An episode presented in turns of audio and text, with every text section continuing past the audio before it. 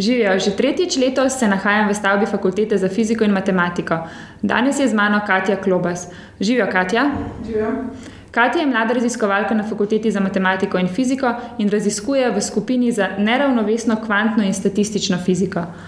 Pa bom jaz že spet začela z enim takim stalnim vprašanjem, trenutno pri meni. Mogoče lahko na kratko poveš, kaj je področje tvoj, tvojega raziskovanja, s čim se ukvarjaš. Splošno je moje področje statistična fizika ki nekako širše sodi na področje kondenziranih snovi. Se pravi, na, nas ne zanimajo visoke energijske, ne zanima fizika visokih energij, kot so osnovni delci ali kozmologija. Ne zanimajo nas potem tudi ne astro, astronomija ali pa recimo. No, pač na, nas zanimajo bolj uh, nizke energije, se pravi, zanimajo nas, zanimajo nas kakšni materiali, kako se obnašajo pri nekih sobnih temperaturah, nizkih temperaturah, uh, ampak ne zanimajo nas pa recimo prav osnovni delci, oziroma res visoke energije.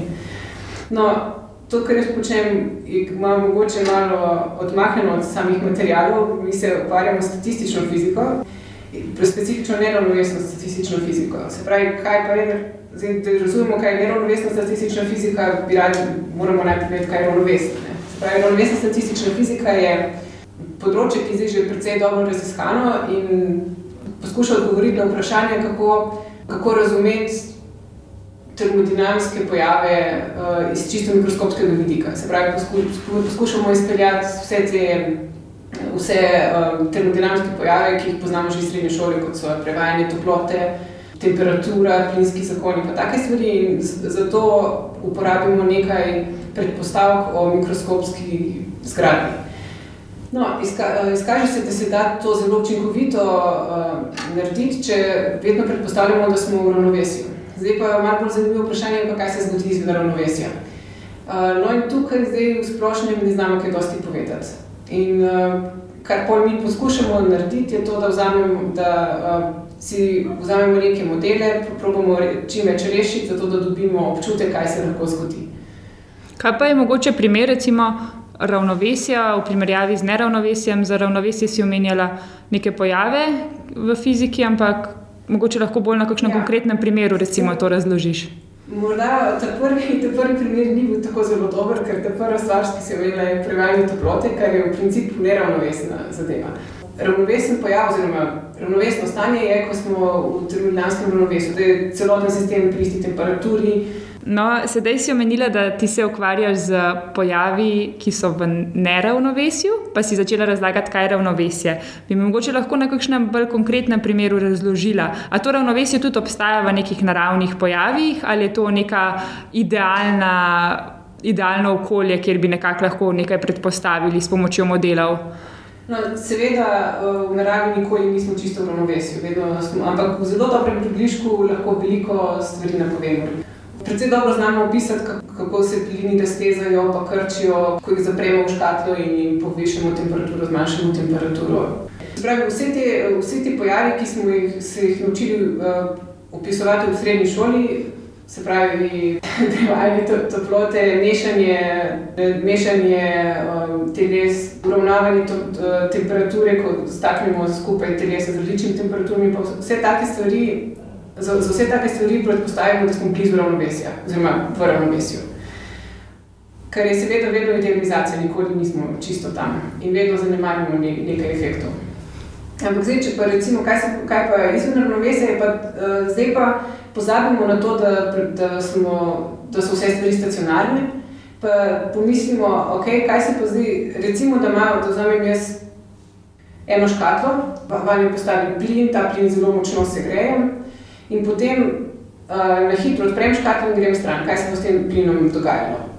Zdaj, seveda lahko vemo, kaj se bo zgodilo po zelo dobrem in dolgem času. Si predstavljamo, da, če, eh, da se ohranja, toplota, da se energija ohranja in tako naprej. Zanima nas pa, kaj se pa zgodi na zelo kratkih časovnih skalah, kaj, kaj lahko tam povemo. Ne? Zdaj, odgovor je ne veliko ker so stvari komplicirane in ne znamo. In to je pojav v neravnovesju. Torej, res definicija neravnovesja je to, da nismo v ravnovesju. Če smo v ravnovesju, okay. pa pomeni, da, nobene, da, imamo, da je celoten sistem pri isti, temper, pri isti temperaturi, pri istih ostalih pogojih. Ker eh, recimo, včasih se nam še kakšna druga stvar eh, ohranja kot energija. In, in če je cel sistem pri istih, pri enakem pogoju, nimamo nobenih tokov, ki bi tekli noter. In uh, če pustimo ta sistem dolgo časa, bo ostal v istem stanju. Če smo pa v neravnovesju, bomo pa vzeli sistem, bomo šli stran in ko bomo prišli nazaj, ne bo več v istem stanju, kot je bil na začetku, se bo spremenil. Pravi, to je nekako neravnovesje. In ti bi verjetno s pomočjo nekih modelov rada predvidela, kaj se bo zgodilo, ko pridemo nazaj. Ja, recimo. recimo. To je zelo, uh, zelo lepo rečeno. Ja. Sicer uh, na koncu vse skupaj uh, smo zadovoljni z, uh, z zelo malim, zato ker ne znamo veliko narediti, tako da potem nas ne zanima zelo splošno, kaj se zgodi. Ampak rečemo, recimo, da si izmislimo nek model, zelo preprost, nek zelo preprost model in nas zanima transport neke količine. Recimo transport, se lahko si predstavljamo kot recimo transport naboja po žici. In, in to, to je eno tako zelo enostavno vprašanje, katerega lahko v nekaterih primerih odgovorimo. Se pravi, zdaj, če si predstavljamo, da imamo žico, posta, eh, ki, eh, ki jo priključimo na baterijo. In zdaj vsi vemo, da velja umov zakon in da, imeli, da, se bo, da se bo tok v žici eh, linearno z napetostjo spremenjal. Ampak kako pa pridemo do tega, zakaj se to zgodi? Ali lahko mi pojasnimo, zakaj pride do tega umovega zakona? Uh, in ja, in potem lahko opišemo na neki mikroskopski skali, lahko zdaj uh, si mi predstavljamo, da okay, imamo, imamo nek prevodnik, uh, v njem so nečistoče, elektroni prosto, približno prosto letijo po tem uh, prevodniku, in, se, in zato ker imamo nečistoče, ki so nekako stohastično porazdeljene, se pravi, nekako narejeno porazdeljene noter se bojo v njih tako zaletavali, kar pomeni, da efektivno se bo, se bo vedno uh, hitrost malo spremenila, pa, pa bo šli malo nazaj, pa malo naprej in zato dobimo upor. Okay, in, to je lahko zelo zadovoljiv odgovor in to se da potem tudi matematično lepše opisati, zakaj dobimo malo bolj, malo bolj egzaktno, kot sem zdaj povedala. V, v redu, to je zdaj naš, naš model prevodnika. Kaj se pa zgodi, če vzamemo bolj preprost model prevodnika? Kaj se zgodi, če nimamo nečistoč?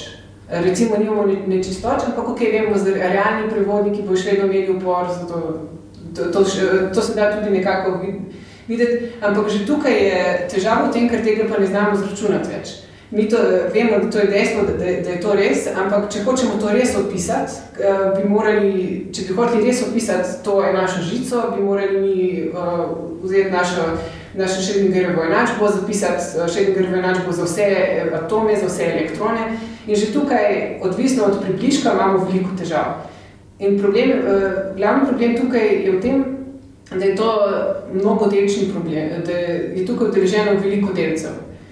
In zdaj, ker uh, mnogodelčni problemi so pa težki za, za reševati. Mi, ker znamo v fiziki dobro narediti, so, kar, kar znamo dobro rešiti, to, ko imamo malo delcev v splošnem. No, Aha, bolj preprost sistem na nek način, uh, z ja. malimi delci. Ja, ampak, uh, ampak ko pa hočemo opisovati velike statistične sisteme, imamo pa sigurno veliko delcev. Okay. Zdaj, mi, če hočemo eksaktno to opisati že z nekimi zelo osnovnimi približki, lahko recimo opišemo 20 ali 30 elektronov. To je velikostni red, odvisno od tega, kaj točno počnemo. Zdaj, če bi pohoteli opisati. Kako bi bilo, pa recimo, elektronov, oziroma kolikrat več elektronov bi bilo v tem naboju po žici, ki si ga omenila ja, kot primer? Velikostni red je avogadrovo število. Spravi, tukaj imamo zelo veliko velikostnih redov razlike. Zdaj, to, um, To ni dvakrat ali trikrat, ne, to je krat 10 na 23. To je v bistvu praktično nepredstavljivo ja. za, za nas, ki nismo vsak dan v svetu matematike ali fizike. Ja, no, pa še, še mi potem ne, ne razmišljamo o takih številih. Ja. Ampak ja, se pravi, kar hočem reči, je v tem, da če hočemo mi zares opisati to žico, se, se moramo zelo pomatrati in je ne moremo, ne, ne moremo zares opisati. Ampak obstaja pa recimo nek razred, razred modelov, uh, ki se jih pa da rešiti, zato ker imajo neke zelo lepe lastnosti. Seveda so to zelo idealizirani modeli, daleč od realnosti. Um, In to so modeli, ki bi vključevali zelo veliko elektronov oziroma teh točk. V principu mi vedno govorimo o termodinamski limiti. Spravi, vedno si predstavljamo, da imamo neskončno delcev. Aha, zato, okay. ker je to Ker že, recimo, če gremo do 100 ali pa 1000, običajno je že, že blizu limitne, limite, pa se ne spremenja več z velikostjo. No, odvisno od problema, seveda.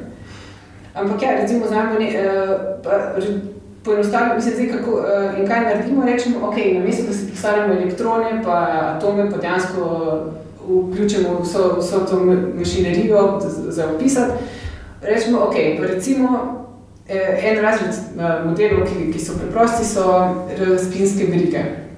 Pa rečemo, okay, recimo, da imamo en, en meter, pa na, vsak, na vsako črtico postavimo eno, en delec, oziroma na vsako črtico postavimo eno mesto. In na vsakem mestu imamo lahko, lahko delec, če recimo govorimo klasično, si predstavljamo, da imamo en delec, ko pa govorimo kvantno, pa recimo, pol moramo že malo povedati, kaj mislimo s tem, ali je delec ali ne.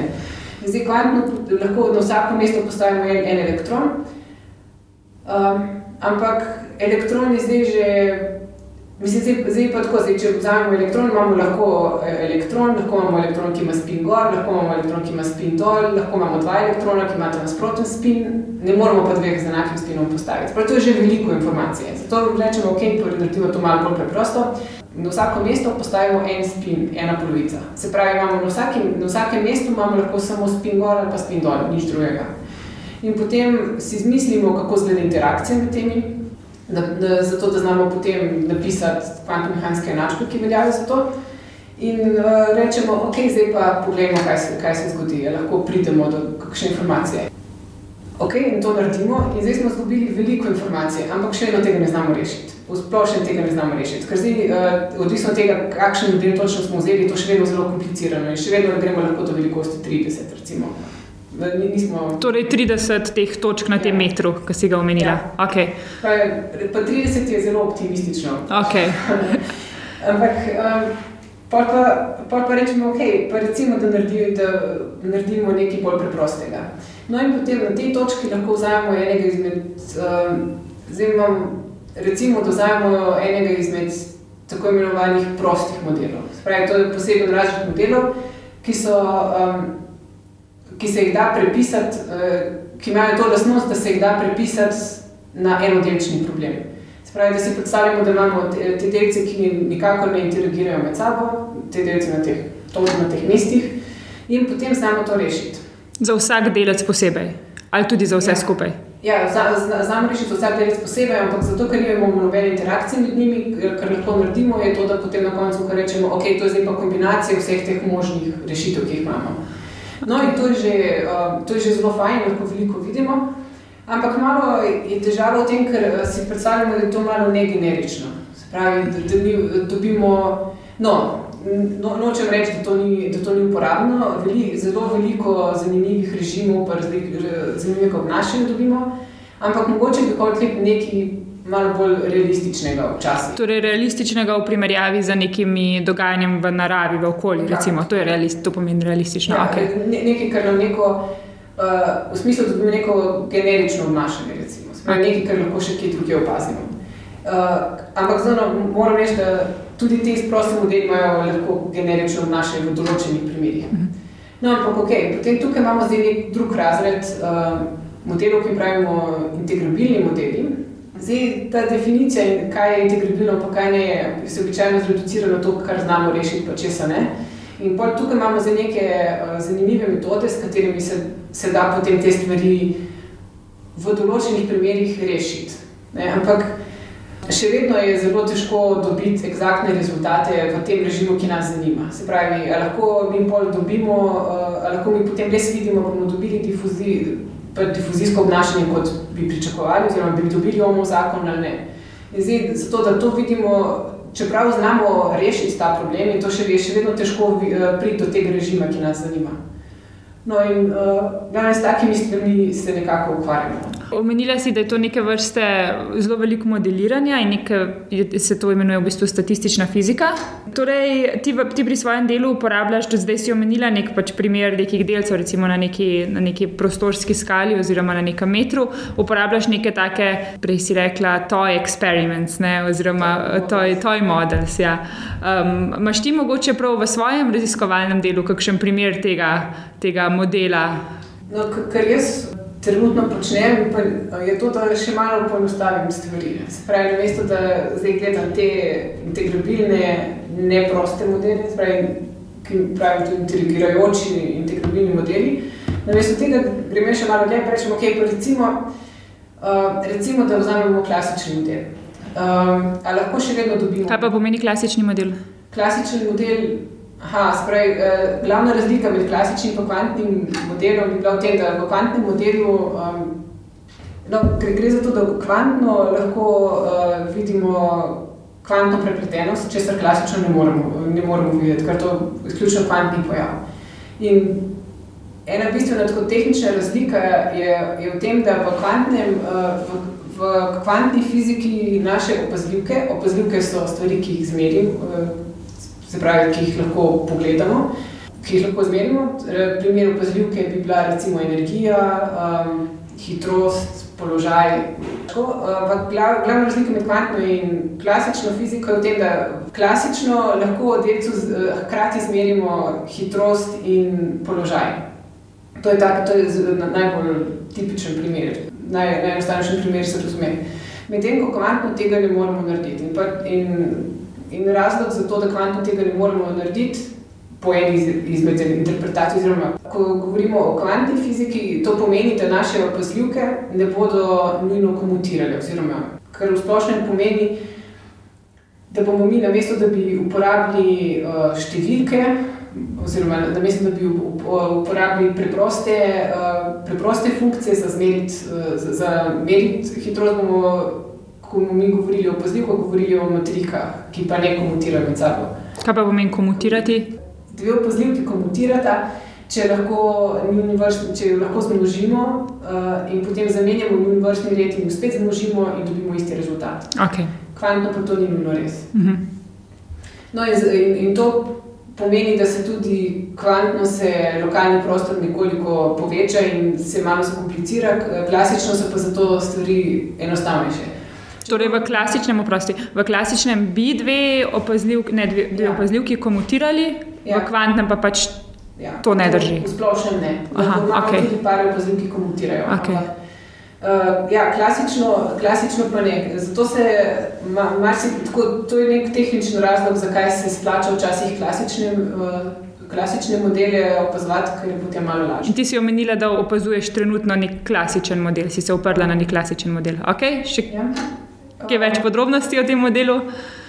Ja, no, spravi, imamo klasičen model in tako kot sem prej govorila o tem, da, da postavimo na vsako mesto en spin, pa zdaj rečemo, ok, zdaj pa na vsako mesto postavimo nič ali pa ena. In potem, in potem uh, si izmislimo, kako se bo to v času spremenilo. Se pravi, ker hočemo, uh, želimo si neke dinamike, zato da bomo lahko po dolgem času videli, kaj se zgodi.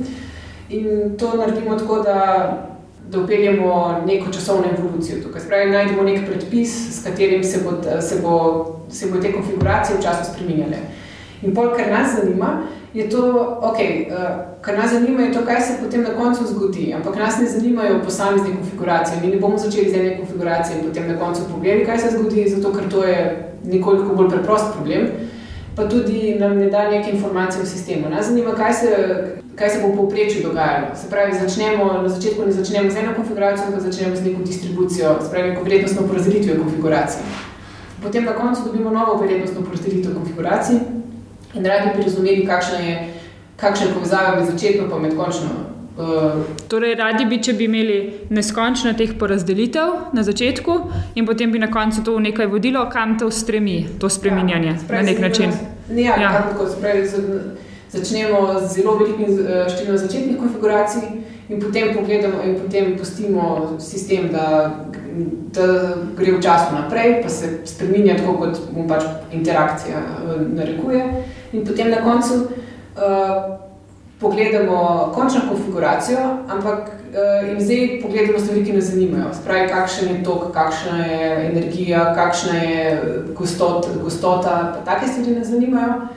Eh, in potem, eh, in potem pogledamo to za vsako konfiguracijo, in na koncu dobimo neko povprečje tega. Zdaj smo pa pri zadnjem delu vprašanj, teh pet klasičnih vprašanj, ki si jih izbrala. Ali se spomniš kakšne zabavne ali zanimive anekdote povezane s svojim mentorjem? Ja, no, sicer um, veliko, veliko zabavnih stvari se, se zgodi, ampak večinoma so to take interne šale. Ki, ampak recimo ena od zanimivih stvari, ki se veliko krat dogaja pri nas, so um, stave. se veliko krat se zgodi, ko razmišljamo, kaj, kaj bomo videli, ko bomo rešili nek model. Ko, ko bomo, uh, se veliko krat ne moremo strinjati, kaj bo, pa pa stavimo. In tisti, ki izgubi stavo, plača pico za cel film. Super. Kako so se od opisa do danes spremenila tvoja pričakovanja glede doktorskega študija in ali bi se ponovno odločila za doktorski študij? Uh, ja, sem tudi sem imela razmeroma realistične pričakovanja. No, glede samega študija je pri nas tak sistem, da ni veliko organiziranega pedagoškega, ni veliko organiziranih pedagoških aktivnosti, tako da večinoma vse, kar delamo, je to, da imamo kakšne seminarje in, in pač svoje raziskovalno delo upravljamo. Se pa so se pa sigurno sem dobila malo bolj realistično uh, sliko, kaj, kako zgleda raziskovalno delo, vsaj na našem področju. Uh, pa zdaj, če bi še enkrat zabirala, bi po mojem kar kar zbrala še enkrat. Če bi imela priliko iti na kavo s predsednikom vlade, kaj bi mu predlagala, da izboljša na področju znanosti? Ja, zdaj, kakšnih zelo konkretnih uh, predlogov sicer nimam, ampak um, se mi zdi, da nekaj, kar ravno vsi čutimo, je to, da nam ni problem, na, da, da ni tak problem najti uh, financiranja za doktorat, vsaj, vsaj, vsaj na, na našem področju, ne, oziroma po mojem metodi, kako za naravoslovne znanosti v splošnem res. Veliko krat dobimo mesto in priložnost, uh, to, uh, priložnost upravljati raziskovalno delo. Uh, težava je pa bolj, kaj se zgodi po doktoratu. Nek, nekako običajno pot je to, da greš nekam na, na postdoc, pa te pol ni za nedoločen čas, oziroma neznan čas ti ni nazaj. Pa, pa noben ti ne garantira, seveda ti noben ne garantira nobene zaposlitve. Ampak nekako imam občutek, da mi ne vidimo veliko možnosti za, za, neko, uh, za neko zaposlitev po doktoratu, vsaj v njem raziskovanem delu. Spravi, ja, bi bilo mogoče fajn zrihtati to področje na nek način. Zdaj pa, ker vemo, da obstajajo v nekaterih državah, imajo, uh, imajo, neke nacional, imajo nek, neko zaposlovanje organizirano na nacionalnem nivoju. Se pravi, vsi kandidirajo naenkrat in potem jih nekaj izberejo za te, za, za te uh, trajne pozicije. Sicer tudi to ne funkcionira tako zelo fajn, ampak še vedno se mi zdi, da bi bilo fajn razmisliti malo o tem, teh smeri. Mhm. Priporočilo za knjigo, igro, film, spletno stran ali podcast? Ja, to sem razmišljala, pa ni, se nisem ničesar res posebnega spomnila, tako da bi jaz kar, kar predlagala knjigo, ki sem jo nazaj prebrala, ki je bil pa Sarajevski omnibus uh, Veliborja Čoliča. Um, koga od nam znanih ali neznanih bi povabila na večerjo, če ne bi bilo nobenih omejitev? Uh, po mojem bi šla na večerjo z Linusom Torvalcem, uh, izumiteljem oziroma začetnikom sistema Linux. Ah, ok. Kako, sem, kako to? Uh, ker sem velik fan uh, Linuxa v splošnem, pa zgleda kot pa, pa dejansko zelo cenim njegovo delo, ker še vedno po, po 30 letih še kar, uh, se še kar ukvarja s tem in še, še vedno skrbi za to, da vse teče tako, kot ti treba. Ah, ok, super. Hvala, Katja. Hvala tebi. Poslušali ste Meta podcast, v katerem se pogovarjamo z mladimi znanstveniki in znanstvenicami z različnih področji znanosti. Podcast domuje na spletišču metina.si, kjer najdete tudi druge zanimive znanstvene vsebine. Naše delo lahko podprete z donacijo Metini listi, pohvale, pripombe in predloge lahko posredujete po e-mailu znanost.afna.metina.si. Dobrodošli so tudi komentarji na Facebook profilu Metina Liste in na Twitterju Afna Metina Lista, kjer uporabite hashtag MetaPodcast. Se slišimo čez 14 dni.